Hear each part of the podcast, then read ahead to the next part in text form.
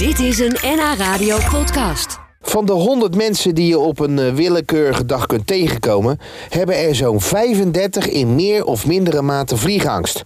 Nou, zo'n 22 van hen stappen nooit in een vliegtuig. De andere 13 vliegen slechts als het echt niet anders kan. De laatste jaren zijn er ook veel kinderen bijgekomen. De reden? Onder andere social media.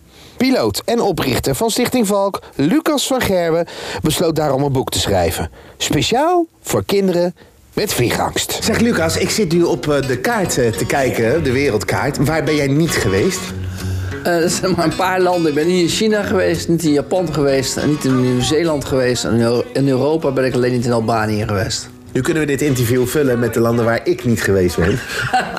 ja, oké. Nou heb jij een boek geschreven over kinderen met vliegangst. Eh, ik ben zo bang dat ik het overgeef aan mijn jongens. Eh, hoe kan ik dat voorkomen?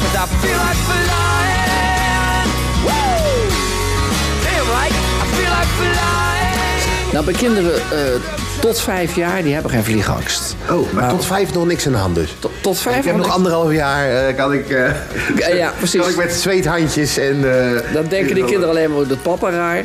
Maar verder niet. Ze pakken het nog niet op. En dat geldt er overigens alleen voor vliegen. Je kan een kind wat heel jong is wel andere angsten geven. Bijvoorbeeld een hondenfobie kan je een kind van drie makkelijk geven. Als jij bij elke hond begint te schreeuwen dat het een, een wereldverscheurend dier is. Maar bij vliegangst is het ja, voor die kinderen zo ver weg. Die zien daar geen gevaar in, wat er ook niet is. Maar bij welke leeftijd kan een kind... is er heel gevoelig voor of het, of het angstig wordt of niet in een vliegtuig?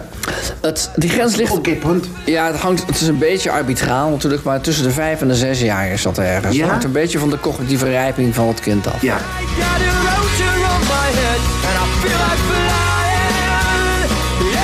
Eh, we dachten al dat de groep kinderen tot 18 dat hij er nauwelijks was. Maar het blijkt die laatste jaren, blijkt vliegangst heel erg toe te nemen onder kinderen van 6 tot 18.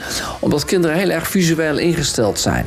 Die worden continu blootgesteld op YouTube, op het jeugdjournaal, op allemaal Ik dingen. kan zeggen, is dat anders dan vroeger dan? Maar dat met social media te maken misschien. Ja. Absoluut. Ja, die zijn heel erg blootgesteld bijvoorbeeld aan de ramp met MH17, eh, de Turkish Airlines crash, plaatjes, beelden daarover. Je kan alles terugzien natuurlijk. Je kan alles terugzien en nou blijkt dat het bij deze groep ook heel erg gegroeid is. Nou, daarom hebben we speciaal voor die groep hebben we hier bij Valk een boek geschreven voor kinderen. Een heel visueel boek. Ik zal het je laten zien. En veel plaatjes.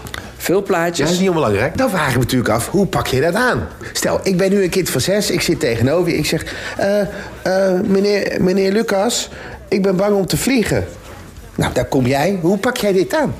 In het boek hebben wij een, eh, een, eh, een prent gemaakt. Een stripfiguur, die noemen we Valky. Die het kind helemaal aan de hand meeneemt. Eerst heel goed uitleggen wat angst eigenlijk is.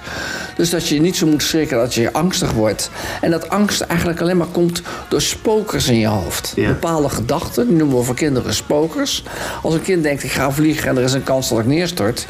Ja, dat is logisch dat je bang bent. Jij zou bang zijn, ik zou bang zijn, dat is een kind ook. Dus dat maken we heel dicht bij het kind en heel logisch. En dan leren we ze een methode aan om te zorgen dat die spoker niet alles bepaalt. Maar dat we leren ze eerst dat je door zo'n spoker gewoon bang mag zijn. Je Heel pakt het op een Sesamstraat manier, pak je het dan. klopt. Daar komt Ja, het om neer. Dat klopt. Eh, tot slot, als ik zo meteen misschien toch weer ga vliegen... houdt Valky dan ook mijn hand beet, Lucas? Bij jou houdt, Want, een, eh, houdt ja. een volwassen valkie je hand vast als het nodig is. Maar het grappige is, je zal merken dat je dat niet meer nodig hebt. De kwaliteit van jouw leven neemt in de breedste zin van het woord toe. Ja. En jij wordt echt een stuk zelfverzekerd. En je denkt, dit kan ik. Ja. En ik kan het als een normale ervaring gaan zien.